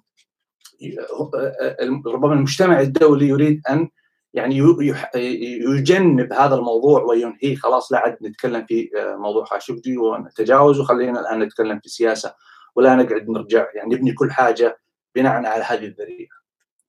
طيب يقول لك هل شراء الصين لنسبة 1% من أرامكو يعني أن إيران لن تستطيع استهداف المنشآت النفطية بسبب أن الصين ستصبح مستثمرة وأيضا بسبب علاقة إيران والصين وما هو سبب اللقاءات السعودية الإيرانية في هذا التوقيت؟ أنا أظن طبعا يعني إذا الصين إذا الصين شرت فإذا الإيرانيين ضربوا أكيد إنه في مصالح يعني الصينيه حتتضرر والإيرانيين نعرف يسمعون الكلام مع الصينيين يعني في النهاية. وأما بالنسبة للتقارب فأنا أشوفها كلها يعني مرتبطة بالحالة الخاصة كلها في في في موضوع في موضوع الملف النووي الإيراني ويمكن أنا قلت الكلام هذا حتى مع بعض بعض الباحثين الأمريكان أول ما انتهت بعد الانتخابات وتكلمنا مع مجموعة كنت أقول إنه كنت أقول لهم إنه أنا أشوف إنه يعني حرب اليمن هي مرتبطة بإيران، كانوا يقولون لا هي ما هي يعني وجهة نظرهم إنه هذا موضوعين، ربما تبين الآن إنه هم يعني عنصرين متكاملين. اليوم المباحثات أو الحكي اللي قاعد يصير بين السعودية وإيران كربما بادرة تقارب اللي هو بوساطة عراقيه هي اليمن. يعني خلينا نجد مخرج من في اليمن. أنتم ما تثقون يا الإيرانيين بالأمريكان. وحنا عندنا مشكلة معكم وأنتم عندكم مشكلة معنا. وحنا عندنا مشكلة مع ال مع ال مع الحوثيين. وأنتم علاقتكم كويسة مع الحوثيين. والعراقيين صايرين بيننا. فخلينا نجد مخرج وخلينا نبتعد عن كل واحد منا وتعنته في مطالباته. فكرة فكرة عزل الآخر تماما وتحييد الآخر وطمسه تماما لن يكون، السعودية واضح أنها اقتنعت الآن أو ربما في طريقها للاقتناع بانه الحوثي لازم يلعب دور، وربما كانت في تصريحات أكثر من مرة قالوا إنه يكون والأمير محمد كمان في خط في في مقابلته قال هالكلام انه هم يعني يمنيين وكذا.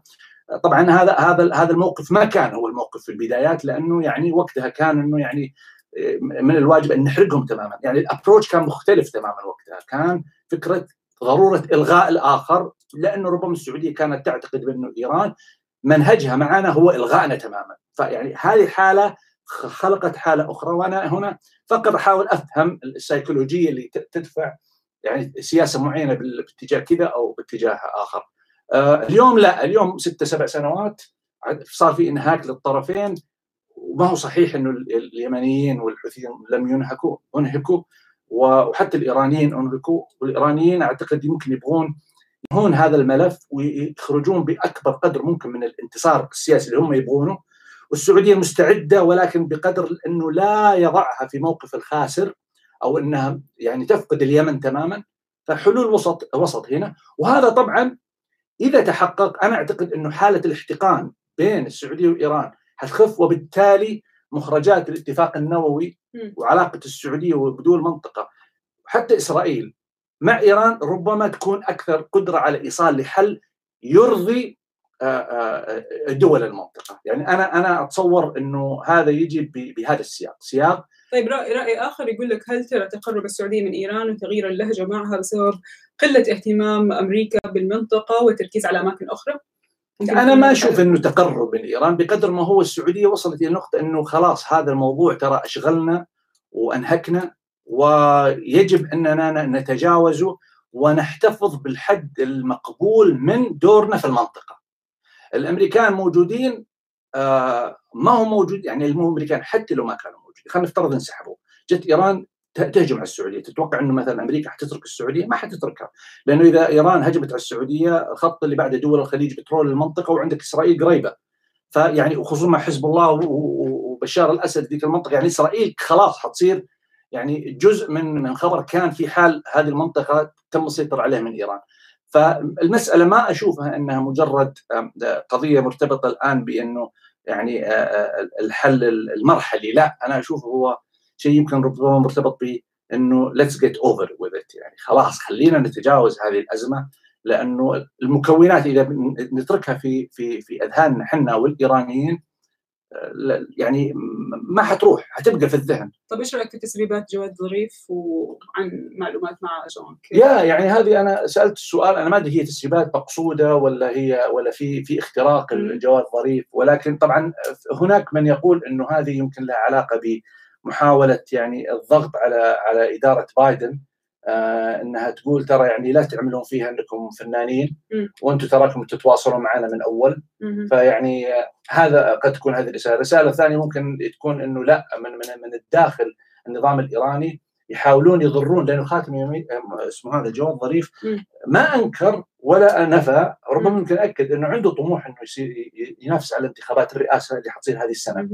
ففي داخل المنظومة السياسية الإيرانية من يعمل على الإضرار به لأنه ممكن هو يكون مرشح آه، جيد جدا للرئاسة. فحرب داخلية يعني عارفة زي أشرطة آه، هانتر بايدن؟ زي كذا يعني. هل تتوقع رفع عقوبات قريبة عن إيران ناتجة عن اتفاق نووي؟ ما هي المدة اللي تتوقعها قبل نهاية السنة؟ الأمريكان قالوا إنه ما في رفع عقوبات إلا آه يعني آه إذا إذا صار في اتفاق أو ولكن أنا مع إدارة بايدن والديمقراطيين يعني آه ما أستبعد إنه يكون في رفع عقوبات تدريجية. لأنه مثلا كان في اليوم قرينا إنه في آه، شخصية عراقية كانت على لائحة العقوبات. قرينا اليوم إنها انشالت. هو ليه كان على إذا ليش كان على على لائحه العقوبات؟ هل كان أنا ما أعرف تفاصيله لكن السؤال هل كان له علاقة مع مع جماعة الحشد مثلا أو كان مقرر من إيران؟ ليش انرفعت؟ فالأمريكان يعني أي كرت يستطيعون أن آه، يستفيدون منه. ما لم آه، لا يرسل رسالة ضعف فهم يعني نرجع نقول هي الجزرة. يعني بيستخدمون الجزرة وكنا دائما نقول هم قاعدين يستخدمون جزره أكثر من العصا. طيب يقول لك لماذا تتبنى أمريكا قضية الدفاع عن إسرائيل وكأنها الولاية 51 خصوصا أن هذا ليس نهج أمريكا في البداية ولم آه، يبدأ تبني إسرائيل إلا في الخمسينات والستينات. يقول لك السؤال يمكن يكون تقليدي ومكرر لكن مهم نشوف الموضوع من زاوية شخص مطلع على حقيقة آه، البارح مو البارح الأسبوع اللي فات تكلمنا آه، جبنا طاري هذا الموضوع بشكل يعني إسرائيل لأنه زي ما قلنا إسرائيل أمريكا أحد القوى آه، الاقتصادية والاجتماعية والسياسية هم من اليهود. واليهود آه، طبعا عندهم هذه هذا التعاطف مع أبناء عموم يعني أبناء جلدتهم أو أبناء دينهم في إسرائيل، ضف على ذلك وأنا أعتقد أمر مهم جدا هو الجانب العقائدي الخاص بالإنجيليين اللي هم القاعدة الانتخابية الرئيسية للمحافظين الجمهوريين لأنه يعني الإنجيليين يؤمنون بانه تمكين إسرائيل أو تمكين اليهود على الأرض هو السبب الذي من خلاله سيعود السيد المسيح للأرض، فعندهم جانب عقائدي في هذه الجزئية هذه. وطبعا لا ننسى أنه وجود إسرائيل في في هذه المنطقة وإسرائيل النووية تضمن نوعا ما يعني البعبع اللي ممكن يخوف كل دول المنطقة بأنه أمريكا حتى وإن كانت ما هي موجودة عسكريا فإسرائيل موجودة يعني يعني وبعدين حتى ثقافيا هم متقاربين الإسرائيليين أكثرهم أوروبيين أو من أمريكا يعني في عاداتهم في أشكالهم في كذا فغيرنا إحنا يعني العرب والمنطقة الشرق الاوسط المسلمين اللي يعني ربما عاداتنا تختلف عنهم هل حتكون لأمريكا ردة فعل إذا تمت صفقة الواحد في المية لصالح الصين؟ هي هي صرحت أمريكا كمان عن موضوع الصين في في إيش؟ في أفريقيا في أفريقيا yeah, yeah. ف أتوقع نفس التصريح حيكون بالنسبة لها يعني هذه هذه أعتقد إنه يعني هو سؤال صراحة سؤال مهم. وإنه الأمريكان لن يكونوا سعيدين بهذا الأمر. ربما يعني حيقرؤونها كسياسة يجب الحذر كسياسة سعوديه أو كرسالة من السياسة السعودية أو في السياسة السعودية تنبئ بخطر للأمريكان في علاقتهم مع السعودية. يعني وكأنهم يقولون أو كأنهم بيفكرون إنه أوه أوكي السعودية الآن قاعدة تخرج عن الغطاء الأمريكي. آه أو ممكن يكون بالمقابل ردة الفعل بإنه آه tit for tat زي ما يقولوا يعني السعودية تعمل مع الصين هذا الأمر وتعمل أمر آخر جدا مناسب للأمريكان فبالتالي تسدد وتقارب بين بين الاطراف لكن الأمريكان طبيعتهم ما يحبون أحد من الدول القوية الصين أو أو أو روسيا إنها تقرب في المنطقة هذه يعني فاي اي أي تقارب أو أي مجال إن الدول تعطي المجال لن يفسر بطريقة يعني لن لن يكون محبب امريكيا. طيب وبخصوص لقاء ولي العهد في سؤال يتكرر كثير يقول إنه لمح بالاستغناء عن أمريكا، هل يبالغ؟ أنا يمكن قلتها كثير هذا هذا التلميح أنا في رأيي يعني إن لم يكن جاد فمن الأفضل أن لا يتم التلويح فيه لأنه التلويح فيه يعني في في نية. وأعتقد يعني الاتجاه نحو روسيا أو نحو الصين لن يكون أنا في رأيي لن يكون في صالح السعودية، الابتعاد عن أمريكا لن يكون في صالح، حتى بظل وجود الصين قوية وروسيا قوية أمريكا تبقى هي ال هي ال لأنه أمريكا لو صار هذا الشيء أمريكا لن تأخذ الموضوع إنه زي الطلاق أو مثلا لن تاخذه فقط طلاق. لا حتاخذه أقرب إلى نزع الشعور بالخيانة.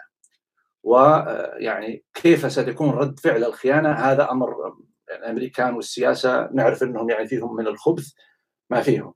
فانا أنا أتصور إنه التلويح هو مجرد يعني حتى مو بتلويح أنا ما أشوفه تلويح هو كأنه يقول إحنا ما حنحط كل البيض في آه في سلة واحدة إحنا بنوزع زي ما أنتم توزعون يا الامريكان نوزع.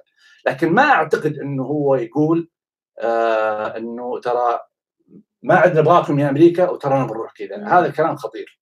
طيب يقول لك هل يفيد تعليق بخصوص المجزرة تعليق الدول أو الاعتراف بالمجزرة أو حدث قديم لماذا يعترفون وهل يترتب عليه أمر ما أو عقوبات أو أثر رجعي؟ يعني أنا السؤال بيني وبينك أنا فكرت وسألت نفسي نفس السؤال يعني ليش زعلانين؟ أنا أعتقد أن لها علاقة بالشعور الفخر الوطني م. إنه كيف نصنف من دولة كبرى وينظر لهذه المجزرة اللي صارت على أيدي آبائنا وأجدادنا على أنها مجزرة ضد الإنسانية أو يعني وكانه كأنهم يقولون الامريكان إنه أجدادكم يا الأتراك تراهم مجرمين.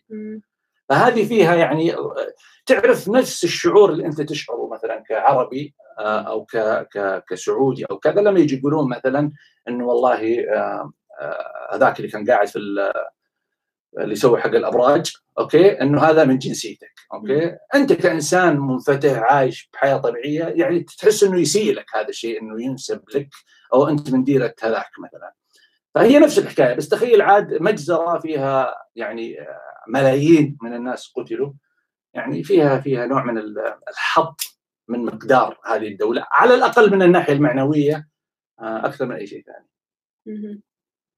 شوي آه، حايس اوصل الأسئلة. أوكي.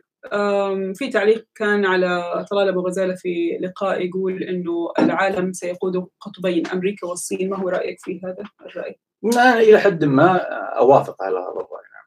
شوف العالم حي حيكون بهذا الشكل رايح ما بين الصين وأمريكا. إيه يعني يعني روسيا حتلعب آه، في النص عسكريا بس آه، اللي عندهم مقومات القوة اليوم يا ميسا هم يعني حقيقة الصين وأمريكا. وأمريكا المشكلة ان أمريكا الان تخاف أنها تفقد قيادة.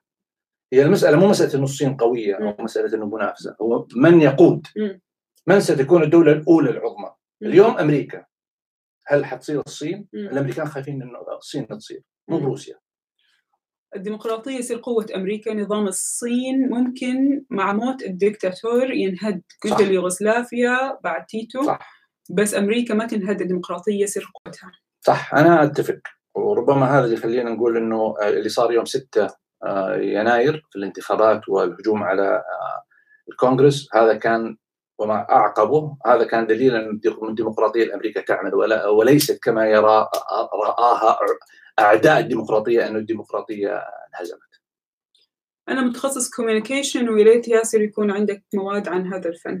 والله شوف أنا كان كان عندي مواد ومواد ومواد وكان عندي موقع عن هذا الموضوع لكن بعد ما جينا أمريكا آه يعني آه تغيرت الاهتمامات وصار بحكم العمل أكثر عندي يعني أكثر تداخلا في مسألة السياسة الأمريكية لكن إن شاء الله إن شاء الله بإذن الله. السؤال المهم هل يعتقد الأستاذ ياسر إنه إيران سوف تمتلك السلاح النووي؟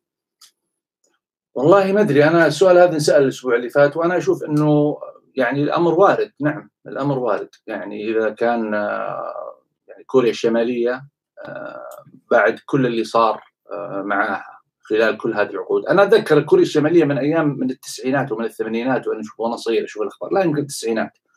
نشوف الأخبار هم يتكلمون عن كوقت يسمونه مثلث الشر.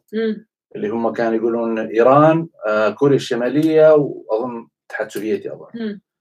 كوريا الشمالية طول عمرها موجودة. في النهاية يعني حسب ما نسمع الآن عندهم قنبله نوويه فالدولة النظام أنا ما أقول البلد النظام الذي يسعى لأمر ما سيحقق. ما في مجتمع ما في مجتمع دولي قادر على آه، انه يردعه لأنه إذا كان النظام أصلا نظام عنده مشكلة.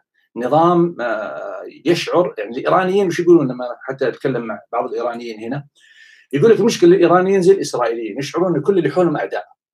فلازم يصير عندهم حاجة تمكنهم كرادع كسلاح رادع. الاسرائيليين صار عندهم نووي وقت ما كانوا العرب أعداء. طبعا الآن العرب ليسوا أعداء إسرائيل العرب أعداء إيران. فإيران الآن تفكر بنفس الطريقة. إيران ما عندها أمريكا زي ما إسرائيل كان عندها أمريكا. إيران عندها روسيا وعندها آه وعندها آه الصين. ف يعني هي مسألة مسألة ثقة. يعني ما في ثقة بين الدولتين. الآن من من المخطئ من من الصح من وجهة نظرنا الثورة الإيرانية جت وانقلبت على الشاه وخلقت حالة ثورية تبغى تصدر ثورتها في كل الاتجاه الدول طبعا اللي موجودة تبحث عن الاستقرار، الأنظمة تبحث عن مصالحها، ما تبغى تنهد أنظمتها، تبغى تبقى في الحكم، بالتالي تشوف إنه هذا تهديد. فهي مخبوصة يعني بين الاثنين، ما حد يثق في الثاني يعني. في سؤال أول شفته بس ما عرفت أرجع له، آه كان بيسأل إنه تركيا وعلاقتها مع السعودية ومصر وغيره يعني يعني التغير اللي صاير في المشهد الآن، هل هو مؤقت ولا تتوقع إنه يعني مؤقت مرحلي عشان الأزمة الحالية أو عشان ديمقراطيين وات ايفر أو إنه راح يستمر؟ أنا أنا شخصيا وجهة نظري أنا واحد زي أردوغان ومو بس أردوغان أنا أؤمن بإنه السياسة السياسة كلها على بعضها ما فيها آآ آآ سياسة ثابتة. السياسة متقلبة والسياسة سياسة مصالح. ما في يعني أردوغان في علاقته اليوم لأنه يبغى يحقق مصلحة. الدول العربية مع أردوغان من جانبها لولا انه عندها مصلحة لما قبلت بالتقارب أو لما دفع نحو التقارب أو قبول أو ما إلى ف ونشوفها إحنا في كثير من من حالات اللي صارت حالات الاحتقان اللي صارت في الفترة الأخيرة فترة السنوات الأخيرة بين الدول. في دول كانت مرة aggressive والدول الثانية تقول relax cool down وهذولاك مثلا الجهة الثانية تقول لا لا لا حتى صارت الخبصة فمش دائما الدول كلها تكون تدفع باتجاه المخاصمة وليست بالضرورة كل الدول تدفع باتجاه المصالحة. آه، اليوم مرحلة مهمة لأنه في أنا قلتها أكثر من مرة بايدن وسياسة أمريكا الجديدة اللي جت بالنسبة لسياسته في المنطقة أثرت على الجميع وأي دولة تقول حنا قراراتنا سياستنا في المنطقة مستقلة أنا أقول لهم أوكي هذه كلام دبلوماسي جيد لكنه لا يخضع لواقع القرارات وواقع المصالح وواقع اللي نشوفه ربما ما ربما لا يقرأ أو لا يكتب في بعض الوسائل لكن وسائل أخرى تكشف هذه التفاصيل ونعرف إنه هذا هو الواقع. لماذا أمريكا فشلت في إخراج سياسيين جدد ومسألة أصبحت إعادة تدوير عائلة هيلاري وعائلة بوش وبايدن. بايدن ما أعرف من عنده سياسي بس هو كاتب بايدن. بايدن في كان آه ابنه آه المدعي العام في كان اللي, اللي معه. أيوه بس يعني إيش دخل إيه؟ في السياسة؟ يعني, يعني مش ترشح ولا شيء هو بيتكلم عن عائلة بوش منطقة. هي عائلة بوش. عائلة كندي منطقة. آه هيلاري بس اثنين يعني نمشي لها طيب. آه لا ما هو صحيح إنه السياسيين ما الديمقراطيين هو يتكلم صح؟ تحديدا هو ما حدد بس هو هو ما سمى غير ديمقراطي نعم. لا, لا. عائلة بوش ديمقراطيه يعني ما ما هو ما هو صحيح. في أسماء كثير. يعني شوف اليوم أهم الأصوات في مجلس النواب كلهم انتخبوا في انتخابات 18 إن كان آه، حليمة إيش حليمة؟ اسمها اسمها إيش؟ كورتيز؟ أيوه. لا لا لا شو الثانية آه، الهان آه الهان عمر ولا طليب رشيدة طليب ولا بريسلي ولا الكساندر كورتيز. هذول أربعة كلهم من ال من ال انتخبوا في 18 فكلهم جداد. آه نتكلم مثلا على مستوى الحزب الجمهوري. عندنا مثلا آه جيتس آه اسمه إيش؟ مو مايك جيتس المهم اسمه هذا اللي مرة يدافع عن ترامب. أوكي؟ وغيره.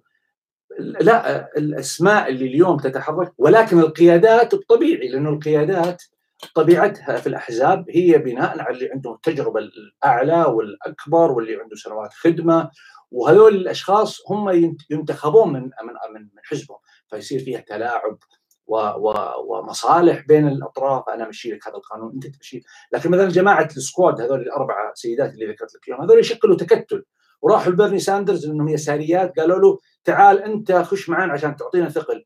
فبرني عنده مريدين حتى على المستوى القاعده اليسارية في الحزب الديمقراطي. فصاروا أسماء الان مرة مؤثرة. ومثلا واحدة زي كورتيز علاقتها يعني مرة متوترة مثلا مع زعيمة الحزب اللي هي نانسي بيلوسي تحرشها. فلا ما أتفق على إنه ما في إسماء. ارجوك ياسر آه، الإجابة على هذا السؤال. هل ما يحدث في الشرق الأوسط بين أمريكا وإيران هي مؤامرة خلف الكواليس تحاك بينهم ضد الخليج لضرب الخليج بالنووي الإيراني وحتى تكون أيدي الأمريكان نظيفة من العملية؟ أنا بس يعني في حاجة كانوا دائما الناس يقولوا إنه سياسة أمريكا أصلا مخططة وكل حاجة مخططة وهم يبغوا يقووا إسرائيل في المنطقة والكلام هذا كله. بس ما أعرف ليش من بعد ترامب لما جاء بايدن صار الناس يفكروا إنه لا هذول الديمقراطيين قاعدين يسووا شيء والجمهوريين قاعدين يسووا يعني تغيرت نظريات المؤامرة. فإيش رأيك على السؤال إي هذه هذه لما تيجي تحل المسائل من منطلق إنه أمريكا أمريكتين. يعني آه، حزبين وبالتالي سياستين. ما هو صحيح. سياسة واحدة التكتيك يختلف. يعني كونك تقول إنه مؤامرة ل آه، إيش قال؟ لالغاء الخليج أو آه، لا أنا ما ما أؤمن بإنه في في مؤامرة مع الإيرانيين. ليش في مؤامرة؟ يعني ما هم دول الخليج already شحليلهم مع أمريكا يعني. يعني ما في يعني ما هي الدول تنافس أمريكا عشان والله تحتاج أمريكا يعني تدخل مع إيران عشان تسكتهم ولا عشان تثبتهم. يعني في النهاية دول يمكن السيطرة عليها اقتصاديا ويمكن السيطرة عليها آه، عسكريا ويمكن السيطرة عليها سياسيا. فما ما, ما تشكل خطر بحيث إنه تعمل مؤامرة عشان آه، تحجم دول المنطقة. لكن الهدف آه، فيما يتعلق بالاتفاق النووي زي ما أنا قلت إنه الأمريكان سياستهم العامة يبغون دائما يصير في صراع بين آه، آه، بين اتجاهين في المنطقة لأنه إذا صار في يعني فرق تسد. ففرق تسد هذه تخلق تخلق لي أنا حاجة إنه أنا دائما لابد إني اللي اللي اللي علاقته كويسة معي دائما يبغاني إني أكون أفزع له. بالتالي يصير مهم أقدر أفرض عليهم سياسات أفرض عليهم أمور اقتصادية. أخليهم يشترون الأشياء اللي ما يبونها. يعني في النهاية لابد أن نسمع كلام أمريكا لأنه يحتاج حمايتها ضد الخصم الآخر. في الزمانات كانت إسرائيل اليوم مع إنه حتى إسرائيل كانت يعني دائما أمريكا في النص لكن على الأقل كان في حالة ذهنية إنه أمريكا ممكن تعطينا سلاح وما إلى ذلك. واليوم نشوفها كذلك. في نفس هذا الإطار أمريكا تحاول إنها تخلق نفس هذه الحالة لكن الفرق بين الحزبين وقلتها أنا أكثر من مرة الجمهوري يبغى دولة قوية في الخليج هي اللي تتصدر وتدفع تكاليف مواجهتها مع إيران وتبقى أمريكا في في الخلف. الديمقراطيين لا، الديمقراطيين ما يبغون إنه أصلا يكون في واحد أقوى من الثاني. ما يبغون، مثلا ترامب كان ماشي على يبغى يقوي السعودية ضد إيران، أوكي؟ الديمقراطيين ما يبغون، بس الهدف واحد، الهدف إنه تبقى أمريكا في المنطقة. ترامب مكن السعودية لأنه يبغى يبقى يبغى يكون هو الأساس يكونوا راضين عليه السعودية وبالتالي ياخذ هو اللي يبغى منهم لأنه حاطينه في جيبه هم يعني في النهاية حاطينه في جيبه وصديقنا فمصالح أمريكا تتحقق بهذه الطريقة. من وجهة نظر الجمهورية الديمقراطيين يشوفونها بشكل مختلف وتعمقنا كثير في في مسألة اللعبة السياسية بين الحزبين ربما يعني إذا حبيت تشوفها في في فيديوهات أخرى. هل تتوقع سياسة بايدن ضد السعودية راح تتغير بعد 2022 وإلى نهاية فترة رئاسة بايدن تتوقع أن السعودية تعلمت من الدروس أو الدرس وراح تتغير سياستها مع الرئيس القادم؟ يعني ما أدري إذا كانت حتتغير إلا يعني ممكن تتغير في في الأمور اللي يمكن تحتاج إلى مساندة من الكونغرس، لكن فيما يتعلق بالسياسات الخاصة بالقرارات التي يمكن للإدارة الأمريكية ان تاخذها بمعزل عن الكونغرس يعني ما له علاقة.